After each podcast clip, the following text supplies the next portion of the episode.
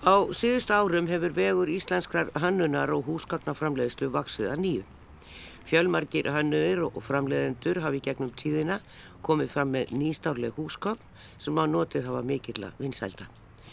Í mörgum tilveikum er um að ræða húsgagn sem öðlast hafa ákveðin sess hjá landsmönnum. Þetta kemur meðal annars fram í bæklingi sem gefum var út í tilefni þess að íslensk húsgagn voru formlega afhengt fyrir skömmu en samtök yðnaðarins hafa haft frumkvæða því að Íslensk húsgögn príða nú söðustofu Bessastaða í samvinnu við Hannunar miðstöð Íslands þar sem gestum gest kostur á að sjá íslenska hönnun og handbrað íslenskra framleiðslu stilt upp á fallegan hátt.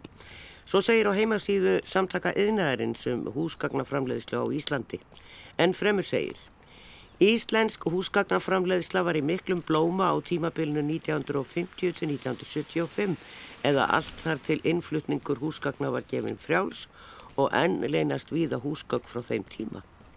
Á þessum árum einkendist íslenskur húsgagna yðnaður af mörgum smáum fyrirtækjum en á árunnu 1972 voru hátt í 300 fyrirtæki starfandi í þeim yðnaði.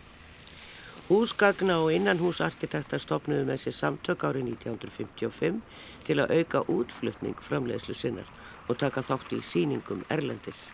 Stopnendur voru einungis átta en félagsmönnum fjölgaði hratt og voru þeir orðnir hátt í 90 um aldamótin. Um tíma streymdu Erlend húsgagna á markaðin og dróð þá verulega úr allri framleiðslu hér á landi.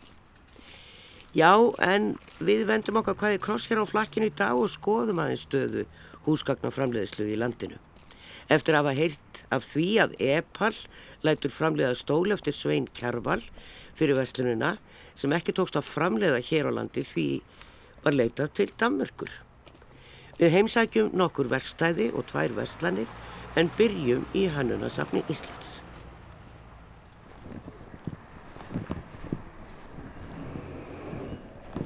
Dæin. Á Hannasafni Íslands stendur yfir síning á verkum Sveins Kjarval sem var bæði hannuður og smiður. Uh, og eins og framöfu komið þá eru nokkið allir húsgagnarsmiðir hannuður en margir eru það og voru. Og þeir voru líklega fleiri, það er eh, eins og við höfum verið að segja frá að þá er svona lítið allavega um fjöldaframleiðslu á Íslandi í dag og Epal er að smíða þennan þekta stól Sveins eh, Kjærvals og hann er smíðaður í Danmörku og uh, það þekkja margir þessa stóla þeir svona með rimlum í bakinu takkfætur og ég veit ekki er þetta takk? Nei, þetta er reyndar Oregon Pine en, og þetta er sagt stól sem að Sveit kallaði litla borstofustólin en er seldur í Epal uh, undir nafninu Kjarvalsstólinn. Þeir láta framlegan úr eik, en þetta eru hérna, gamli stólar úr Oregon Pine eru mjög lettir og fallegir.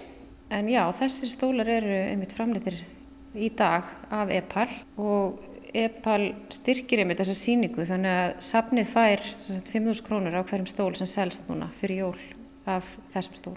Það er nefnilega það. Þetta var Sigur Jónsdóttir, fórstöðumæður hér á Hunnunasafni Ísland sem er á Garðartorki ef að fólk skildi ekki vita það.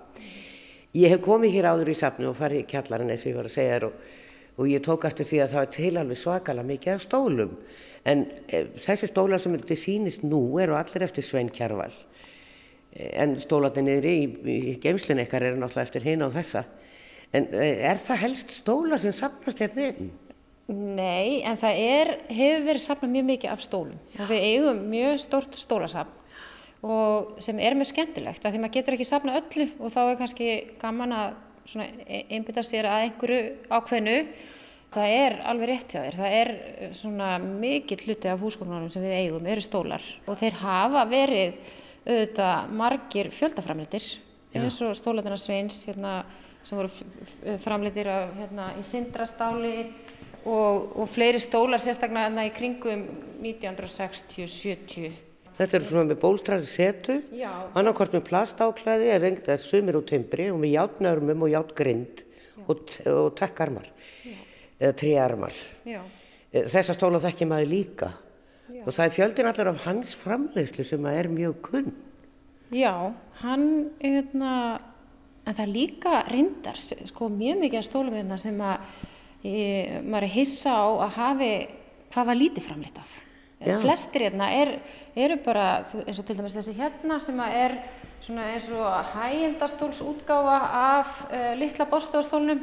Það er til dæmis held ég alveg örgla bara til þrýr svona og, og það sem að og skeifan sem er líka í rauninni svona önnur útfærsla af litla borstofastólunum það er ekki til margir svona stólar þeir eru samt hérna eitthvað til að þeim en ég hugsa fæl ekki meira en 50 skilur við þannig að þetta er ekki þetta var ekkit fjöldaframleitt hérna, þessi tveir en svo eru aðrir sem að voru framleittir í miklu magni eins og til dæmis þessi ruggustól sem Já. margir þekkja Með, með skinni á setunni.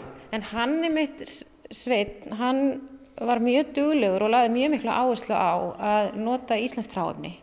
Hann notaði að vísu ekki íslenskan við, það var bara kannski, já, og bara ekki til, en það er reynda margir hönnuðir núna ungir sem eru að einmitt að nota íslenskan við, hérna, sem er ótrúlega skemmtilegt og, og Sveini hefði þó það mjög gaman að sjá það hvað fólk er að gera í dag og, og, og fólk, ungir hönnur í dag er einmitt mjög mikið að reyna að nota íslenskt ráefni eins og hann er að nota þetta skinn, hann notaði líka mjög mikið ullaráklæði í- sem var ofið á Íslandi og hann notaði líka mjög mikið grjót í innréttingum hérna, eins og sér hérna á myndunum frá Tröð til dæmis Já, akkurat. Hann átti um upplutan það, er það Já, þar er, sérðu, hérna er litli borstofstóllin, hérna hleður hann úr grjóti, hérna í kringum bekkina, þessum eru, og bekkinir eru svo klættir með, með skinni og hérna hleður hann líka með grjóti, hann hlóð oft með grjóti líka blóma ker inn í íbúðir og, og einbýlishús.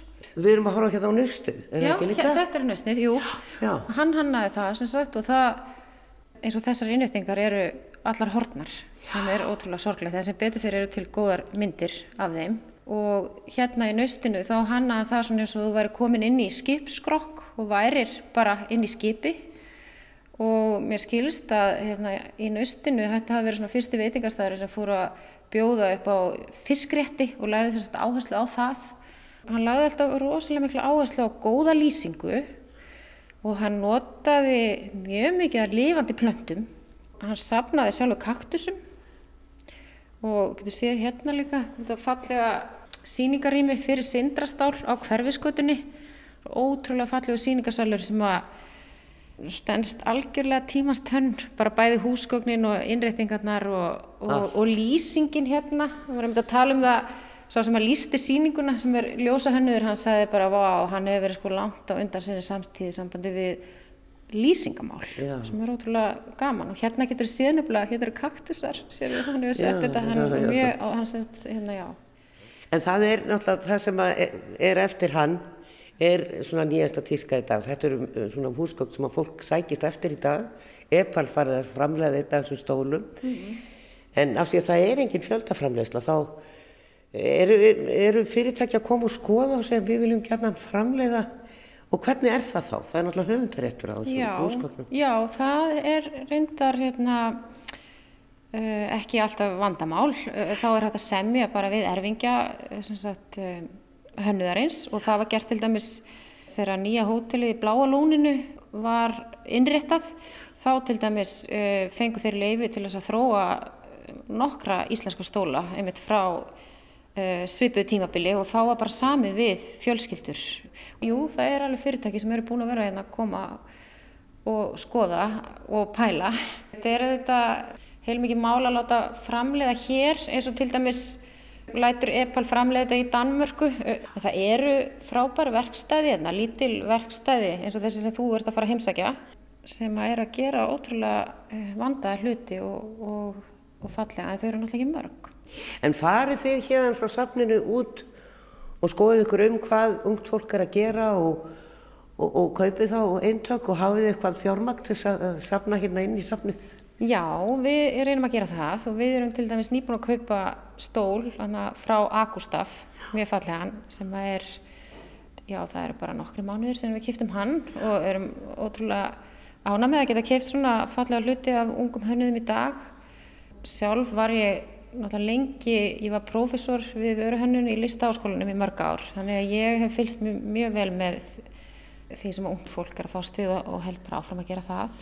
Það er aldrei svona þau breyst svo, svo mikið þetta fag. Þetta er, það er að verða meira meira áherslur í allavega vöruhönnun sem hefur líka verið, fólk hefur líka verið að hanna þar húsgögg til dæmis, að þetta er að breytast aldrei mikið í að vera meira og meira svona rannsóknir og upplifunarhönnun þannig að það eru kannski færri og færri sem er að fara út í að gera húsgögn. Og kannski líka því það er erfiðar aðstæður kannski að fá þetta framleitt og það er allavega einn örglástaðan og dýrt. Þannig að hérna og þú ser líka hérna tímalínunni hérna hjá hér er hérna svona tímalína yfir Feril Sveins. Hann er mjög aktífur hérna hönnuður frá svona 1950 Hann lærir sem sagt fyrst að verða smiður, hann er sem sagt alveg upp í Danmörku, flytur svo til Íslands þegar hann er búinn að læra sem sagt að verða húsgagnasmiður og fyrir að vinna hér á, á, vinnur hér á nokkrum verkstæðum og fer svo aftur út að læra í, til Danmörkur og kemur svo aftur og er mjög aktífur hér frá svona 1950 til 1970, það er svona tímabili hans, það sem hann er að gera flesta af þessum hlutum sem við verum að sína hérna, en svo sérðu þarna 1958 þá er IKEA stofnað og þá breytist margt. Hérna, auðvitað var, voru líka svona eh, sérsmiðu húsgögn dýr. Þetta yeah. var svona frekar efna fólk sem gæti látið smíða inn í eh, húsin sín og, og fóstjórar sem voru að fá hann til þess að teikna skrippborðin sín og enginn vildi náttúrulega eiga eins þannig að þetta var allt svona sér hannað fyrir hvern og einn. Já og þarna kemur sagt IKEA og þá Já, mér finnst það bara svona áhugavert að horfa á þessu tímalínu og segja, já, þarna gerist þetta og þá, þá breytist náttúrulega svo margt í sambandi við bara hvað fólk getur keift og hvað er í bóði og hvað hlutinni kosta og kannski hvernig við hugsaum um hlutina, hvort þið þurfum bara ekki að endast neitt lengi eða, eða hvað. Og, og nú er auðvitað aftur komin út af þessum umhverfismálum og, og hérna þessari ofur neyslu þá er aftur kviknu svona mjög mikil meðvitund um að eignast vandaða hluti og sem að endast, þegar þú sér eins og þessi hlutir þeir endast bara kynnslóð til kynnslóð og... og það er einmitt það sem að er að þetta eru vönduð húsgögn og þó er kostaðið smá pening en þau döga jafnvel fyrir tvær og þrjá fjölskyldur ykkur mm. á gerðir mm. og, og eins og húsgögn gerðu hér í gamla dag fólk er að sitja á 300 ára gannu stólum og þau döga en mm. það er svona spurning kannski í lokin þeirri, það er Danirnir hafa einhvern veginn haldið alltaf vel á sinni hannun og, og, og það eru margir stólar og borð og húsgók sem eru hönnuð þar og búin að vera það í hundra ára og meira og enn er verið að framlega þessa vöru. Mm -hmm. er, hvernig, sko, hver er statusin á íslenskum hönnuðum svona í gegnum söguna?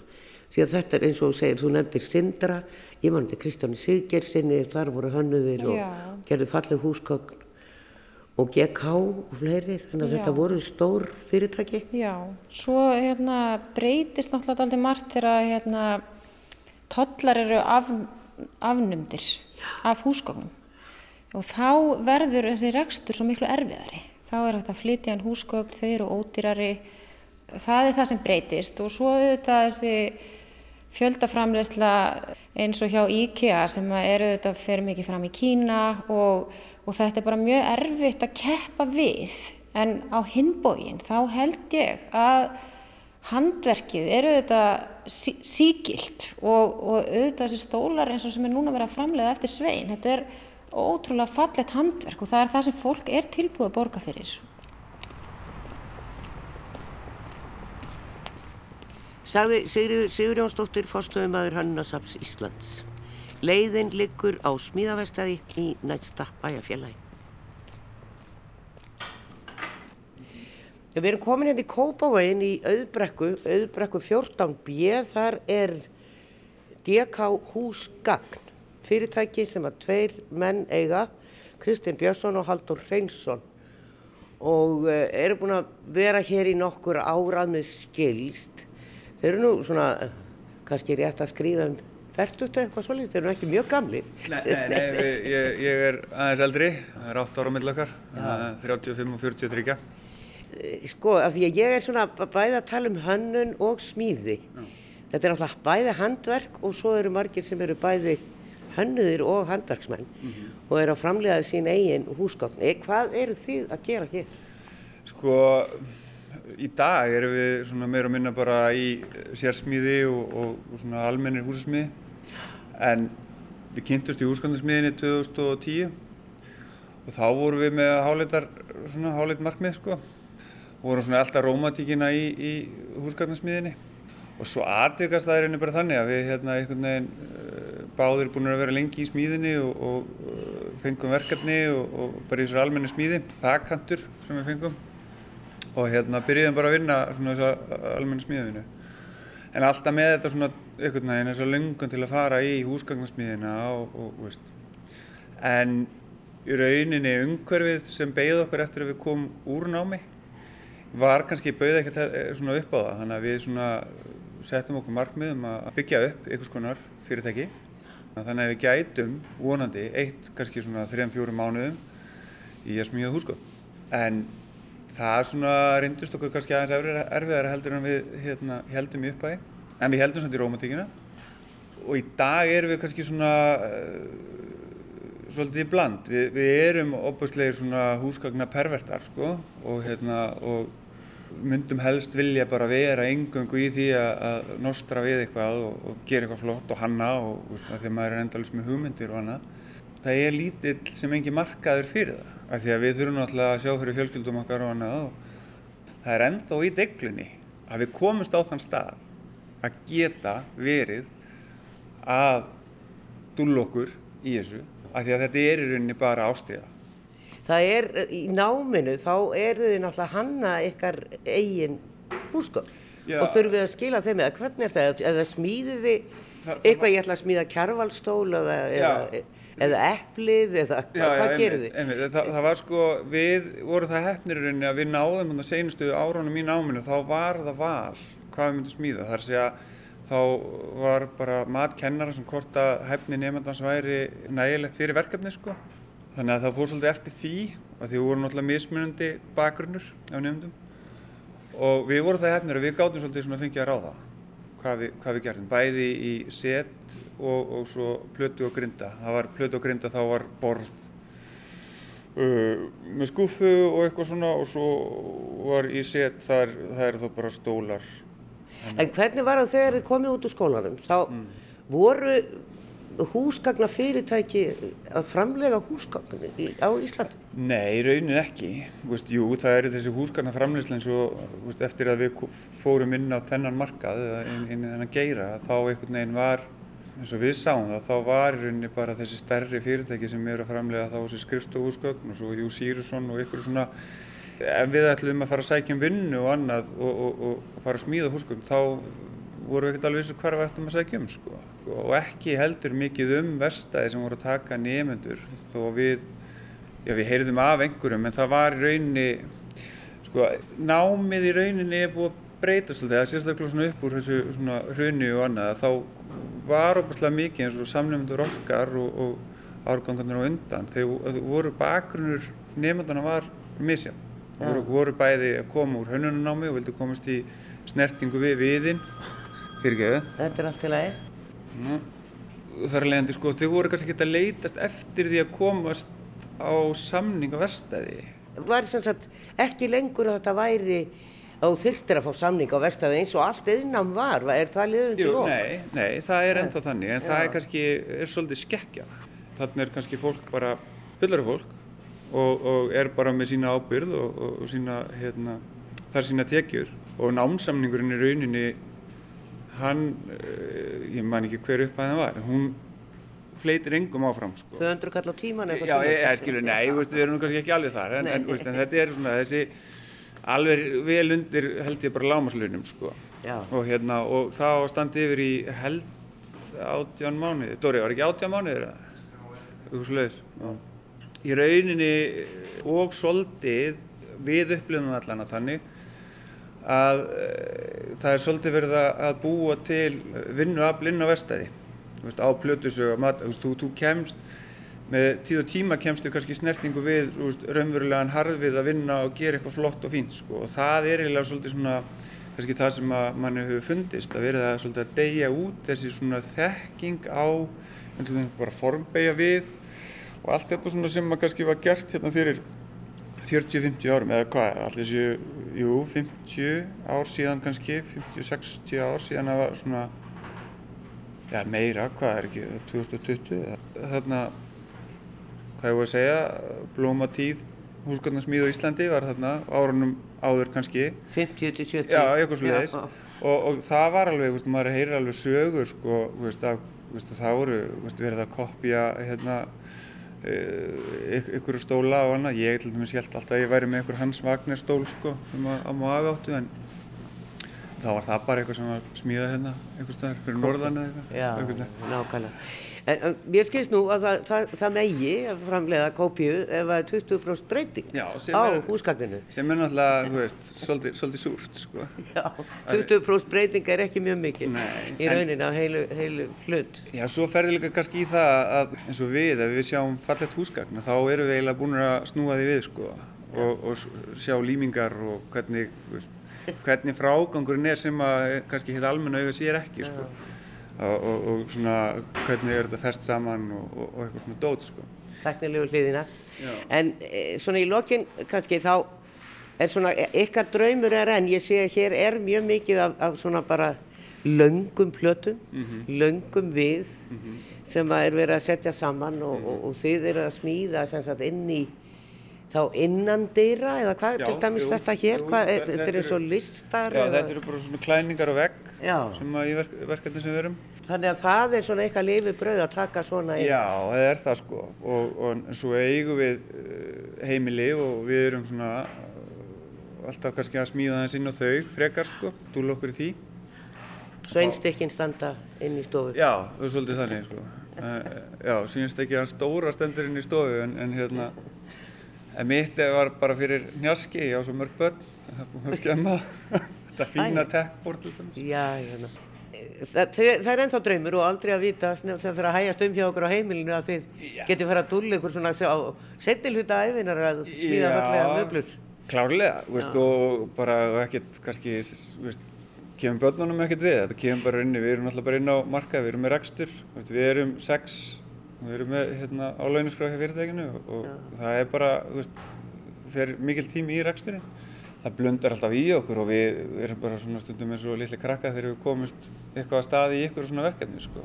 Það er bara, þú veist, það er bara gegja og það er í rauninni, að mér finnst, ef að, ef að veist, við þurfum að setja ástriði í það ef við ætlum að, að hérna, svona gera það sem okkur langar og það kostar tíma og, og, og hérna, og peninga.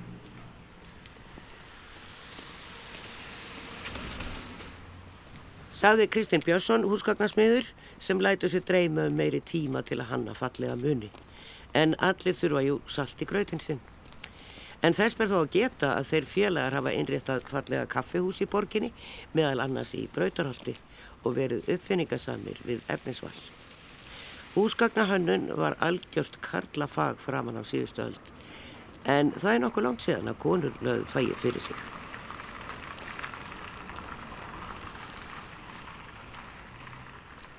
Já, við ferðumst víða um bæinn og erum farin úr Kópavogi hingað upp á Eldshöfða í Reykjavík.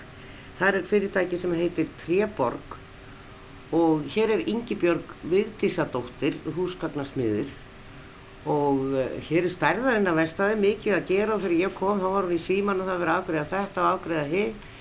Þannig að það er nógum að vera á verstaðinu. Ertu búin að reka þetta lengi hérna? Uh, við Þetta var opnað 2015 hér og við fluttum fyrir, já þetta er þriðja árið akkur til á eldsögunum, byrjuðum annar staðar og hefur bara vaksið jæmt og þjætt og, og, og, og bara verkefnastað aukist og aukist. Ég sá hérna frammi bara því að ég var að koma inn á þína litlu skrifstofu sem er svona byggð efst upp í vestæðu. E, voru fjóri stólar sem að vanda setun í, er þetta eitthvað sem að þið að vera að smíða hér? Nei, þetta er ekki smíða hérna heima en við fengum, og þetta er örgulega stóllinn sem við erum að lappa upp á og, og svona líma og, og gera við. Þannig fáið þið verk þannig verkefni að gera við? Nei, við fáum þannig blekki. Þegar ég var að byrja í þessu þá var mikið meira að gera í svona húsgarnaviðgerðum. Það er nú eflust alveg eitthvað en, en mun færði sem er að taka það að sér. En við fáum þetta mjög sjaldan hingaðinn. Við erum aðalega í, nýs, í nýsmiðinni og uh, þetta svona hendar ekkert allt og vel saman orðið það er orðið svolítið mikill hraði í þessu en uh, við fáum alveg fyrirspurnir þó en, en það hefur farið minkandi fyrst mér. En hvað eru það að smíða? Því að ég kem að vestaði í auðbrekku og þar voru bara alla spýturna langar og maður sá ekkert það sem var verið að hita eða beigja eða neitt og þeir voru með sína drauma um að fara að geta smíða frekar húsgögn mm -hmm. og, og voru svona með drauma húsgögnin sem þeir langaði til að gera og hanna en, en hvað er þið beðinum hér? Uh, við erum aðalega í innréttingatengdum verkefnum. Uh, við höfum svolítið verið uh, í eins og skólunum. Við erum nýbúin að skila okkur nýjum leikskóla út á landi. Við viljum helst taka okkur svona þessi stærri fyrirtækjaverkefni og þá er þetta eins og ég segi þessi, svona, þessi innréttingatengdu uh, verk ekki beinlýnis svona uh, þannig séð svona sérhæðum upplöf smíði heldur svona meira eins og ég segi inn á innréttingarnar Já, en þá eru þau ekki að smíða upplöfna til dæmis eins og inn á leikskóla? Ekki eins og til dæmis stóla en meira bara svona vegfastan innréttingar En það er ekki þannig að það komi til ykkar hönnuðir og segja ég er hérna með stól sem að búð er tilbúin að selja og ég þarf að láta búa til 100 stóla. Gætu þið tekið þannig verkefni að ykkur? Við náttúrulega skoðum allt en, en uh, það er svona, og við erum að vinna með sagt, íslenskum framleganda, sóluhúsgögn heita þær og, og rótgrói fyrirtæki og það starfa í mörg ár og þar eru við í rauninni að smíða fyrir þá íhluti í, í sagt, húsgögn og þá borð og, og stóla uh, og þá er rauninni bara eitthvað sem þeir síðan nota í sína framleyslu og full klára. En þú sjálf ert ekki hannur, þú ert engangu smiður. Já. En af hverju lærður þau húsgagna smíði eða er mikil munur á bara að vera smiður og svo húsgagna smiður? Það er náttúrulega töluverðu munur að vera svona inn á trefsmiðavestæði og svo úti í, í rauninni upp, bara uppslætti en auðvitað eru menn líka í trefirkjunu úti. En jú, það er, það er töluverðu munur. Það er, er svona mikil vel að vinna inn á vestæðum og svona fín vinna. Þannig að það er svona, og eins og segi, við, við erum bara hérna inn á vestæði, við erum, ekkit, við erum ekki mikið úti í uppsendingu, það er svona aðri sem sjá um það fyrir okkur en, en jú, þetta er heilmikill munur bara á, á bara uh, handverkinu í rauninni. Já. Læriði þú þá hjá meistara? Ég læriði hjá Yngvari Þorstens sem var hérna uh, á grensásveinum uh, og á svona, uh, já, frekar litlu sérhæfðu vestæði og í rauninni fjekk tölur að reynslu þaðan. En draumurinn var bara að vera í smíðavinnu í svona hands on, ef maður getur sagt svo koma við viðinn og annað en þú sittur hér á skrifstofunni, ertu mikið niður á vestæðinu? Ég náttúrulega þarf að einmitt eh, stýra þessu töluvert frá skrifstofu og, og, og, og svona tölvupóst hengt og tilbóðsgerðir og annað sem fylgir því en ég reyna að vera eins mikið niður á vestæðu ég get þannig að þetta eru svolítið svona hlaup upp og niður. Já, það er góð þjálfun en Var þetta draumastarf, eitthvað sem þið langaði virkilega til að gera? Af hverju leytist út í þetta? Það var svo sem ekkert eitthvað sem ég var alveg að, að akkurat að, að uh, sagt, leita í en, en meira svona bara einhvern veginn þróaðist. Bæði gekk ágætlega í skólanum með mitt og svo bara demdi ég mér út á vinnumarkaðum svolítið og svo bara þróaðist þetta í rauninni. Þannig að maður svona, já, og svo sjóast maður bara til einhvern veginn og, og endar svo bara á skrifstofunni, eins og sagt er. Svona aðeins að fara í kannski smáadrið, hvernig gengur að reyka svona fyrirtækja á Íslandi í dag eins og þetta? Það, ef sagt skal segja, er orðið svolítið strempið. Það er náttúrulega töluverð samkeppni og aukinn samkeppni við erlendanmarkað og, og verðilega séð er þetta orðið svolítið stíft. En að sjálfsögðu er þetta eitthvað sem þarf að vera til hérna heima. Og þó að markaðurinn sé kannski minni en erlendis og, og svona erfiðari þar að leiðandi að, að þá þarf þetta þessi þjónusta í rauninni að, að alltaf að vera til staðar. Þannig að þannig jújú, jú, vissulega er þetta erfitt og krefjandi og, og svona upp og niður en, en, en gengur þó og, og skal bara ganga en hérna en jújú, jú, þetta, við finnum alveg fyrir bara síðustu ár bara miklum breytingum Þrátt fyrir alla þessa nýsmíðu á hús og byggingum og það að byggja út um allan bæ Er, er það ekki að koma inn á þessi vestari?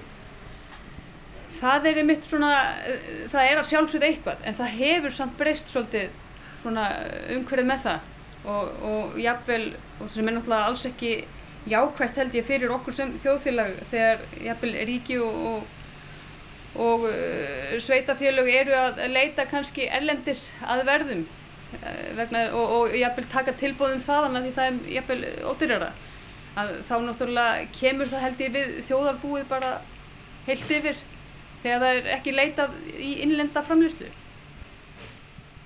Er ég þakka að kjælja? Já, sömulegðis. Já, gangi ykkur vel bara. Sagði Ingi Björg Vigdísardóttir. Með nýri hannunarstefnu breytist kannski stefna yfirvalda allavega en næsta viðmælanda er mjög svo umhugað að hún verði endanlega kláruð.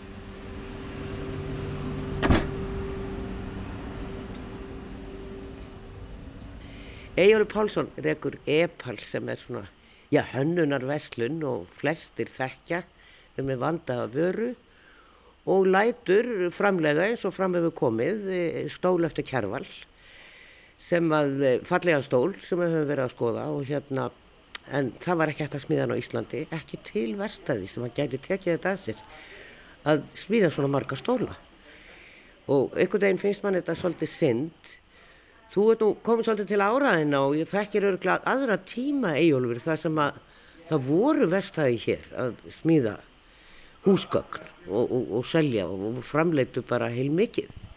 Já, já, það voru mörg vestæði sem framleitu húsgögn sko.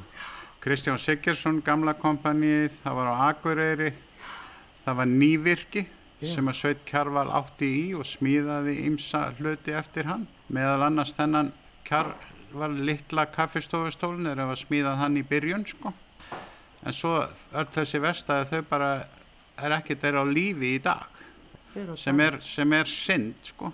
Já, hún sagði mér, hún segir í hannarsafninu að IKEA hefði breytt svo miklu. Og það er náttúrulega, ég veit ekki alveg hvernig IKEA kom til Íslands, fyrirtæki stofna 58 en það er nú löngu síðar sem að það kemur hingað upp til Íslands. En hvena breytist þetta hér á landi?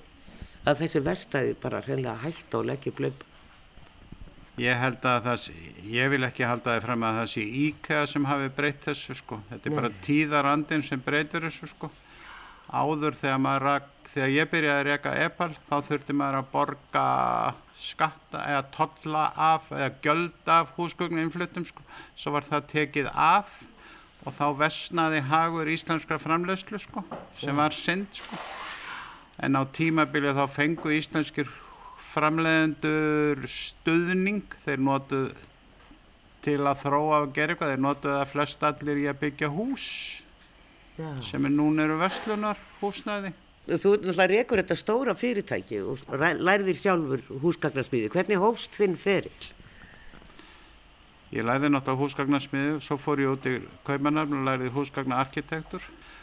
Og svo gerist það eiginlega að, að hérna svo kem ég heim og fer að vinna á teknistofu.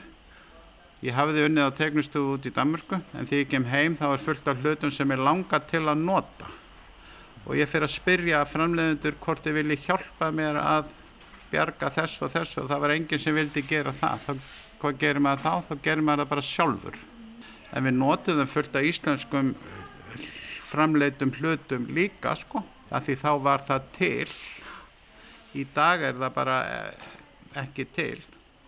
Mér heyrist á þessu unga fólki sem ég hef verið að tala við að þetta sé bara ákvæmlega erfitt og þetta sé svo dýrt og, og það sé svo erfitt að fara inn á þennan markað af því að bara verðlægið, það þarf að verðlægja svo hátt til þess að hlutni standa undir sér.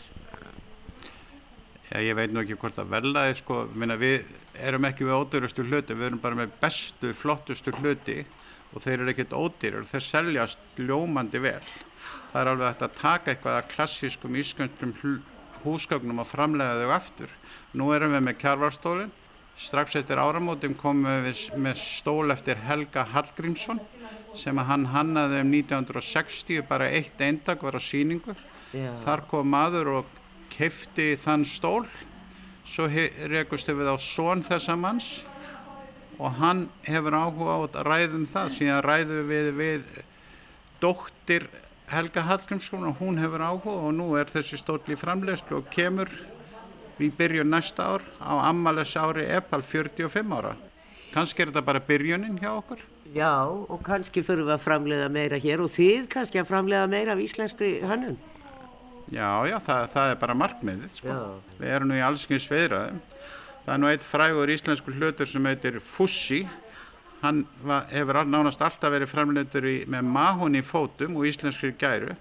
Nú er Sigurður Helgason farin að framleiða hann með lerkifótum að mínu frumkvæði, íslensku lerki og bara fyrir okkur. Og ég er bara stoltur af því að það er hlustað á það sem að maður leggur til. En er, sko, viðrun hefur náttúrulega var, það var ekki mikið til að við hér á Íslandi þegar þessi vestæði eru sem stæst og eru að framleiða og, og það er náttúrulega, en núna ferða nú að vera þannig að við getum farið að nota íslenskan við. Já, já, já, það er byrjað meira og meira. Það er rosalega mikið, arkitektar nota mikið við úr, úr Hallonstaðaskói. Það komið gott, flott vestað upp í Fljóstall fyrir austan ja. og þar er, hann keipti sér velar og vinnur með arkitektum sko. Seinasta dæmi er þarna vög e, fyrir austan sem var opnað bara í haust. Mjög flott, ég er búinn að skoða það. Já. Virkilega flott Já. og vel gert með íslensku lerki. Erstu bjart sína á framtíðina í húsgagnagerð og hönnun að þetta svona, já kannski verði meira lifibröð fyrir fleiri?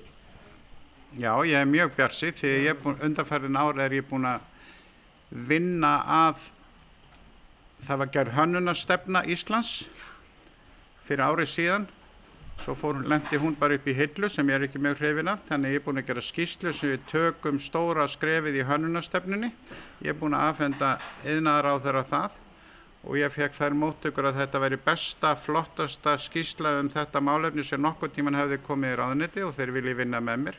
Og við erum að funda til að bæta þetta og laga. Við erum að funda í næstu viku með samtökum einarins og samtökum atvinnuvegina og þeir taka vel í þetta, ég veit það og þá mun það hafa áhrif hérna á Íslandi. Þetta skapar atvinnu, maður með ekki gleyma því, mikla atvinnu, þegar allir hugsa og eru sammála um það sem við erum að gera Já. og tala í samhljómi. En það er náttúrulega líka, við sjáum það eiginlega að á undanfattum árum með hönnuna mars og, og svona bara góðri veru sem hefur verið flutt inn hingað og fólk er einhvern veginn farin að veita hönnun miklu meiri aðtekli en það gerði kannski fyrir 20 árum. Já, já, já, já, já. já. hönnunamistu hefur náttúrulega gert kraftaverk. Það var, var ekki tíu ára amali hönnunar mars í senast ári. Við, við tókum smá til að sína að hönnun er ekki hobby, þá tókum við íslenska hönnun, tókum fugglinans Sigurjóns Pálssonar. Í 2-3 ár var búið, það var búið að framlega 250.000 stykki og það margaldar það með verðinu þá varstu komin í 1,2 miljardar, þetta er engin smá peningur fyrir íslenska hönnun. Og það eru miklu fleiri hluti sem ættir að taka svona, segja dæmum sagði Eyjálfur Pálsson húsgagnahönnuður, smiður og eigandi epal. En það er bara alls ekki öll von úti en því alltaf kemur ungt fólk sem er til í að taka sens og ráðast í hluti sem mörgum finnast nánast vonlausir. Við endum þennan ring í miðbæ Reykjavíkur.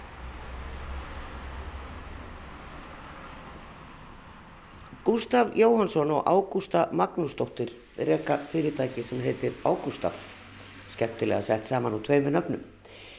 Eh, Gustaf er eh, húsgagnahönnur og konan hans, Ágústa, hún svona kemur inn í þetta svolítið innum baktirnar, hann er á réttum stað og þau reyka hérna litla búð á skólaverusteg 22. Þetta er hérna á móti það sem að antikúsi var og já, svona mörg, mörg lítil svona lokal og ég vissi ekkert í hvað ég myndi ganga því að einhvern veginn þegar við sjáum fyrir okkur húsgagnaverslun þá sjáum við einhvern veginn alltaf fyrir okkur einhverja rísa búð en það þarf ekki. Allt hérna inni er hannað á þeim hjónum og hér má sjá hillur, speil, mjög vel tilfundna bókahillur sem ég ætlaði nú að reyna að lýsa fyrir okkur á eftir, fallegt bástofuborð, trébretti, stóla, mjög fallega stóla, bæði barstóla og þægilega stóla að sitja í. Það vil eiginlega enginn held ég sitja í djúpum, bólströðum, sófa og komast ekki upp úr honum aftur, heldur stóla sem að grýpa mann og kollar og það er allt mögulegt hérna. og þetta er semst hönnunamerki Ágústaf og eh, já, þessi búð er svona farið, farið mjög rólega á stað því að ég, svo sem vissi af ykkur því að ég sé sýningagrippi frá okkur hjá handverkja hönnun út á nesi ég held að það væri bara svona framleitt eftir pöntun en þau eru búin að reyka þessa búð hér í nokkra mánu Já, uh, búðin er opnuð í september en uh, við fjármögnum allt sjálf. Svolítið það sem við gerum við opnum búðina og bara, já, innrættar mann eins og við getum, seljum eins og við getum og þegar peningurum kemur inn þá klárum við að, hérna, við vorum að klára merkingar um daginn og svona formlega opnun verður sennilega núna í desember. Það er nefnilega það, ég er alveg hérna á réttum tíma Já, en fyrirtækið er sko búið að vera til staða síðan 2000 og, hvað byrjuði 2012 í Danmarku. Þannig að þó svo að búðin sé ný, þá er fyrirtækið búið að vera slengur til staðar og við erum náttúrulega fyrst og fremst framleysla, svona húsgarna framleysla.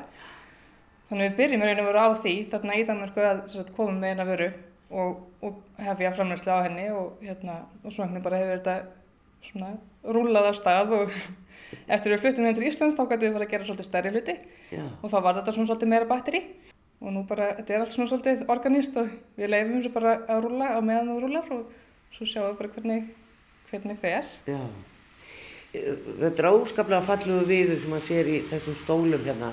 Hva, hvaða viður er, hvaða viður er það að nota? Er eitthvað sérstækt sem að við veljið helst? Já, við notum helst eig eða notu og það er sá efniviður sem er alltaf hægt að fá á Íslandi. Þetta er allt saman innflutt. Íslensku viður er yfirlega ekki bara svona megnunu til hendar ekki í okkar, í okkar framleyslu og sérstaklega ekki við værum að fara í stóra framleyslu línu, gera hundrað einn stóla, þá er kannski ekki til nógu mikið efni til að, til að standa af því. En eigun nota er eiginlega alltaf flutt til landsins.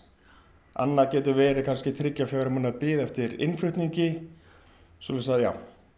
Framlega hundra stóla segir nú er, sko, ég laga staði þennan leðangur vegna þess að e, svona sögursagnir ganga eiginlega þannig að það sé bara hreinlega ekki hægt að framlega svona magna á Íslandi og þess vegna sé það gert úti. E, en þú ert ekki saman á því, Gustaf, þetta, þetta er alveg hægt. Þetta er hægt. Framleyslu í Íslandi er dýrari heldur en annar staðar. Húsnöð er dýrara, efnið er dýrara, allt kostar að kosta meira en getan þetta staðar. Og hérna, þetta snýst, eðlilega er hagkamra að framlega 100 stóla heldur en, heldur en þrjá. Já, auðvitað. Svo er það, já, svo er það, nei, nei, þetta er ekkert mál. það er nefnilega það. Og þið eruð að framleiða og, og, og sögðu mér á þann að, að þið eru núna að klára 40 stóla sem þið eru að skila fyrir jólinn. Já, já, þannig að allir mjög æstir alltaf að fá allt fyrir jól, þannig Já. að við erum bara stundum í stundum sveitt Já. að klára þær pandanir sem hafa komið núna og með afhendingu fyrir jól. Og þannig að þið eru með verkstæði líka. Já, við erum með vestæði upp á Funahöfða og þar vinnum við alla vörunur okkar. En svona 40 stólar, er þetta fyrir einstakling eða fyrirtæki? Uh, Þetta er fyrir einstakka. Já, já, þannig að Það eru tíu stólar hér, tíu stólar af næstu típu, já, Já, já. tveir svona, tveir svona og svo framvegis. Já. Þessi bókahilla hérna sem að ég nefndi hér í upphafi, hún er, hún er svo brilljant.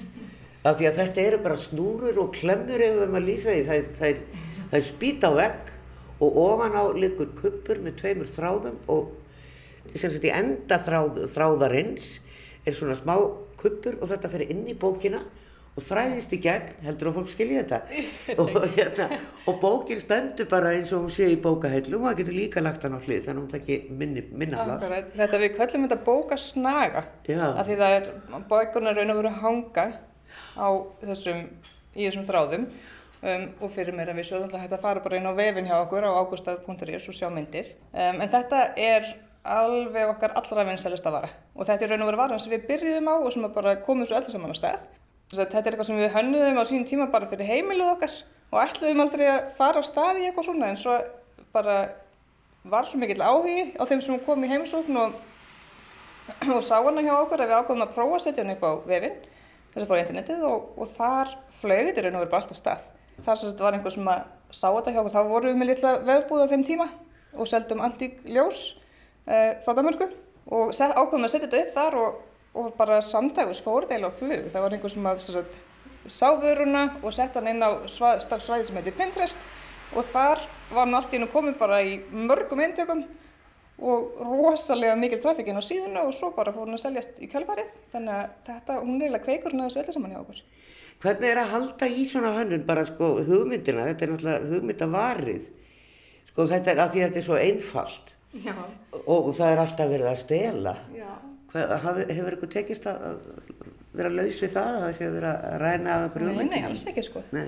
Þetta er náttúrulega, það er mjög erfitt og við höfum þurft að standa í mjög ströngu varðandi það. En hérna, maður er náttúrulega bara best með kæft og klómi sem maður getur og en svo bara er náttúrulega bara ákveðið mikið sem maður getur gert. En þetta er alveg bara ótrúlega flott og, og hérna, góð hugmynd. Gustaf, þú lærðir í Danmörku og, og eins og Ágústa konaðin sagði að þið byrjuðu þar. Af hverju lærður þar? Það er alltaf Danir eru frægir hannur. Já, já, við náttúrulega byggum í Danmörku á þessum tíma. Byggum í, við vorum búin að vera hvað í átta ár í Danmörku og ég var hérna húsasmiður og langaði bara að breyta til. Uh, langaði að komast inn svo ég bætti við mig húsgagnasmíði í Danmörku og námið þar er mjög miðað að sagt hönnun og svona einstaklingsmiðað miðað, miðað nám og það hendaði mér vel og við höfum bara aldrei litið tilbaka. Nei, sveinstykkið er hér. Það er Já. skrifborðið á staðnum. Já, Já, það er þannig, þetta, er þetta eru möblur, þetta á að nota og já, sveinstykki er ekki eitthvað sem þú átt að fela, finnst mér. Nei, Ha, og líka þegar það er vel hefna. Já, maður leggur alveg, maður leggur sálinn í þetta, það er svolítið. já, akkurat. En e, sko, af því að ég hef nú svona verið að tala um að það væri sam og engin húsgagnaframleðslega lengur á Íslandi en það eru þó einhver fyrirtæki að, að framlega, það er svona sérhæft skrifborð, eða skrifstofu húsgagn og, og annað, er, er mikil sérsmíði fyrir, fyrir einstaklinga til dæmis. Já, fyrirtæki eins og okkar, við sinnum alltaf, við þurfum að sinna sérsmiði. Já. Það er kannski 30% af okkar tekjum eru sérsmiðin uh, og jújú, jú, það er alveg heilmikið að gera og öll þessi minni vestæði eru mikið í, í sérsmiðinni. Uh, Stærri vestmiðin er náttúrulega bara vestmiður og það er alveg til vestmiður á Íslandi sem er framleiða húsgögn, skápa, eins og það segir, skrif, skrifstofu húsgögn og þetta er alveg sambarlegt því sem að gerast erlendis. Svo er þess að, já, framleiðslu og sérsmiði Já, í bland. er- En eru þið bjart sín á framtíðin að, að, að þetta sé atvinnugrein sem að eigi eftir að standa Já. bara ágætum fótum hér á Íslandi? Við náttúrulega vonum það. Það er sko, við náttúrulega förum alveg í djúpa nafnblóðskoðun og fjóru svona ári og til þess að reyna átt okkur á því ekkur við erum að gera þetta og en við höfum alltaf haldið áfram Já. og bara fundið einhvern ljósa punkt eitthvað staðar og við erum hérna enn og vonum að það bara haldi áfram að vera svoleiðis. Já, og við, við seljum líka tölvöld úr landi.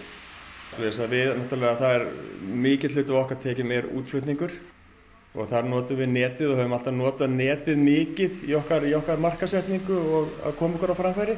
Það er agustaf.is. Það er eitthvað agusta.com sem Já. er þá erlenda síðan og agusta.is líka á Íslandi en já, þess að já, stór hluti af okkar tekjum kemur eins og frá Bandaríkjanum og Þýskalandi. Nú ganga ferðalangarnir hér á Íslandi upp og niður skólaverðstíðin og heimsækja Hallgrímskirkju. Þetta er hérna inn og þá kannski lendi í því að bara, ok, ég vil, mér langar í svona stól en þú ferð ekki með það í flugvélina þannig að ha- hafi orðið verfið það að það fólk leiti til ykkar svo síðan. Það, já, það gerir það reyndar. Sko, flestir sem koma inn kaupa eitthvað svona smarri vörur og taka með sér eitthvað sem kemst í hérna, töskuna. En það var nú þetta bara síðast í gær sem það kom inn maður og keipti stól og það er hann sendan til bandaríkjana. Þannig að það er ekkert laust við það. Það er, hérna, það er alveg til einstaklingar sem eru til að fara, vera svolítið svona djarfir og, og láta bara senda sér. Bókahillan kemst í segi eins og er, og, og ég, ég dáist að henni, þetta er svo uh, flott hugmynd fyrir utan að vandamálum með bókahillur er rikið, maður er alltaf að taka þessar bækur út og dusta þær og þurrka af hillunni. Þe- sko, þetta safna kannski aðeins smá riki á, á klemmunni eða kupnum upp á og, og, og henginu en svo er bara bókin, maður getur bara dusta henni á það sem hún hangir.